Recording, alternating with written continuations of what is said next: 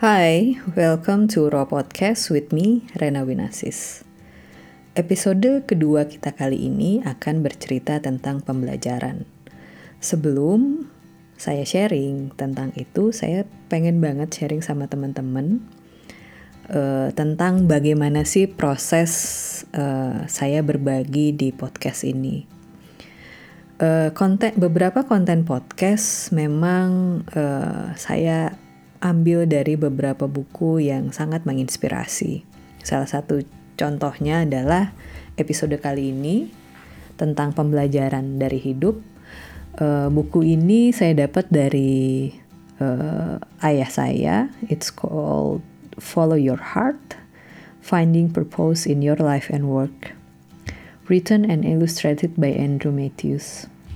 Pertama kali dia kasih ini adalah pertama kali saya masuk kuliah. Berarti mungkin around uh, 97 di mana saya ingat banget by the time uh, Indonesia lagi krisis-krisisnya lagi keos-keosnya Pak Soeharto akhirnya turun setelah sekian lama menjadi pemimpin kita ya.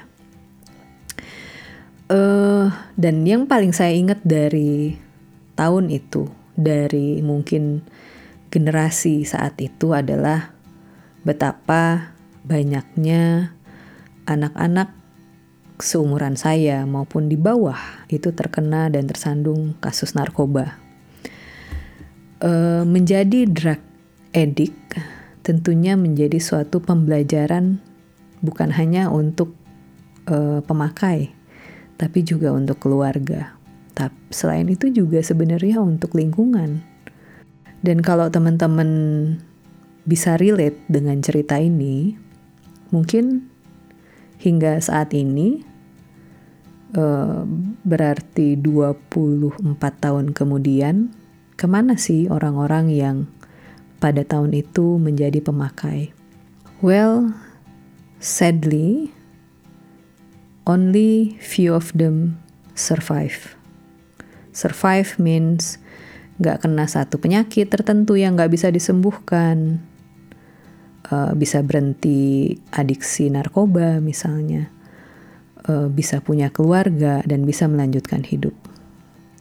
But most of them either they die karena overdosis atau karena penyakit tertentu atau they keep being an addict. Dari buku itu, dia bilang kayak gini teman-teman. Kita pernah merhatiin gak sih kalau kadang-kadang cobaan tertentu itu hanya terjadi terus-menerus pada satu orang? Kita balik lagi ke cerita uh, narkoba addiction ya. Saya rasa ada masih ada di luar sana uh, generasi tersebut yang masih struggling untuk bisa survive untuk bisa tidak memakai kembali semua jenis-jenis obatan narkoba tersebut. Uh, kenapa saya bilang struggle? Karena they keep failing. Mereka nggak pakai, kemudian uh, terjadi sesuatu, mereka pakai lagi, atau nggak perlu sesuatu terjadi pun mereka memilih untuk memakai lagi. And then kita bertanya dong, why? Kenapa? Dia tahu kok kalau itu nggak baik buat dia, tidak baik untuk pasangannya, tidak baik untuk keluarganya. Tapi kenapa terjerumus di hal yang sama? Di buku itu bilang orang itu selalu punya tiga mindset tentang uh, bagaimana mereka menyikapi atau uh, memberikan sudut pandang tentang apa yang mereka hadapi. Pertama, saya runutin dari the highest order sampai the least ya. Uh, pertama punya mindset kalau hidup itu sebenarnya adalah mm, banyak sekali rangkaian tentang pembelajaran yang saya perlukan uh, dan semuanya udah dalam satu rangkaian dan runutan yang tepat untuk saya menjadi orang yang lebih baik. Yang kedua, hidup itu kayak gambling, hidup itu kayak kalian beli lotre and then uh, ya bisa menang, bisa enggak gitu. Dan yang ketiga adalah uh, orang-orang dengan mindset kenapa kenapa sih ini harus terjadi dengan saya kenapa sih saya harus selalu gagal kalau kita bedah dari tiga mindset itu, means orang-orang yang mempunyai mindset pertama most likely will survive.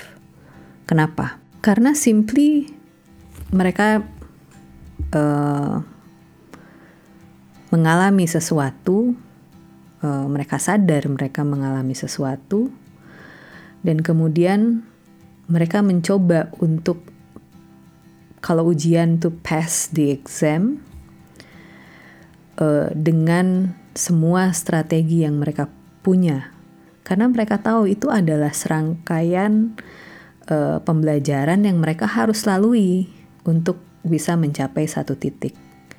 Mereka juga sadar kalau mereka tidak bisa melalui itu, mereka akan stuck di pembelajaran yang sama berulang, berulang, berulang. Jadi daripada buang waktu, kenapa nggak dihadapin aja. Kenapa nggak bikin strategi yang bagus? Kenapa uh, nggak dicari tahu aja how to pass the exam? Untuk yang kedua, mungkin ini tipe yang 50-50 ya kalau menurut saya. Karena mereka yakin kalau life is a lottery. Kayak gambling aja gitu, oke okay, 50-50 we going to survive dan another 50 we going to fail. I don't think ada uh, struggling yang maksimal sih atau effort they put an effort yang maksimal untuk menghadapi pembelajaran tersebut. And if they fail, mereka kayak akan mengulang pembelajaran yang sama. Di sisi lain, kalau ternyata mereka memang survive, mereka akan lanjut ke pembelajaran berikutnya. Sedangkan yang ketiga adalah kelompok yang asking why this is happen to me menyalahkan. Menyalahkan sesuatu yang harusnya uh, tidak perlu disalahkan. Bukan jadinya memberikan satu energi positif untuk bisa melawan sesuatu, tapi malah memberikan penderitaan dan malah bikin kita jadi frustasi kadang. Jadi kalau saya lihat hidup itu kalau saya ya, mungkin saya adalah part dari saya menyadari, saya sangat-sangat menyadari kalau hidup itu adalah a series of lesson. Kadang saya bilang ke diri saya, "Hey, you are a forever student in a lifetime" gitu. Karena sebagai manusia kita nggak bisa berhenti belajar. Kenapa kita harus belajar? Supaya kita tahu apa yang akan kita lakukan nanti pada saat pembelajaran itu datang, pada saat ujian itu datang. Kita udah prepare, kita udah tahu, kita udah siapkan. And hopefully we can pass on the first attempt.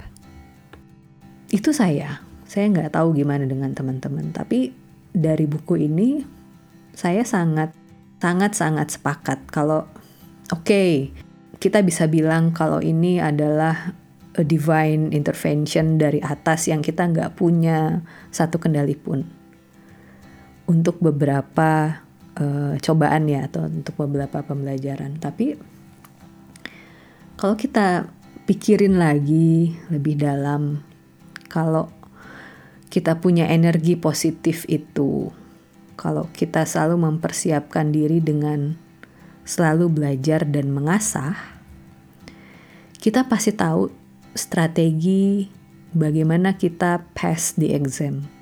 Dan hopefully kita akan bisa menghadapi another cobaan dan cobaan di dalam hidup. Harusnya seperti halnya kita meng menghadapi hidup ya dan menjalani hidup. Kita harus punya uh, kita harus yakin kalau setiap hal itu ada tujuannya dan kita harus men-set tujuan tersebut.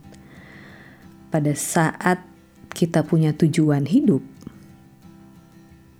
maka setiap cobaan, setiap pembelajaran dalam hidup, tentunya kita akan lebih mudah untuk menghadapi.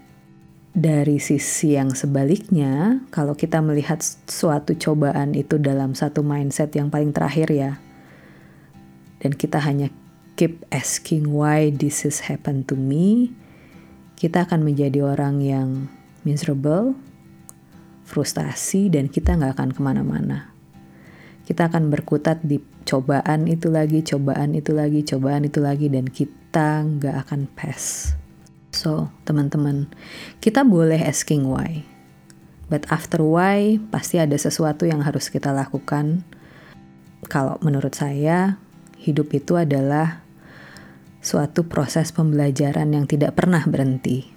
The act to do little things different itu akan bikin a huge differences. Uh, kita mempersiapkan diri selalu mempersiapkan diri, selalu menjadi orang yang selalu terbuka untuk belajar dalam kehidupan, pasti kita bisa melewati segala cobaan kehidupan dan keluar menjadi orang yang lebih baik lagi, lebih resilient, lebih agile kalau bahasa kekiniannya, dan hopefully kita bisa lebih happy. Oke, okay, Rena Winasis signing out. Selamat malam.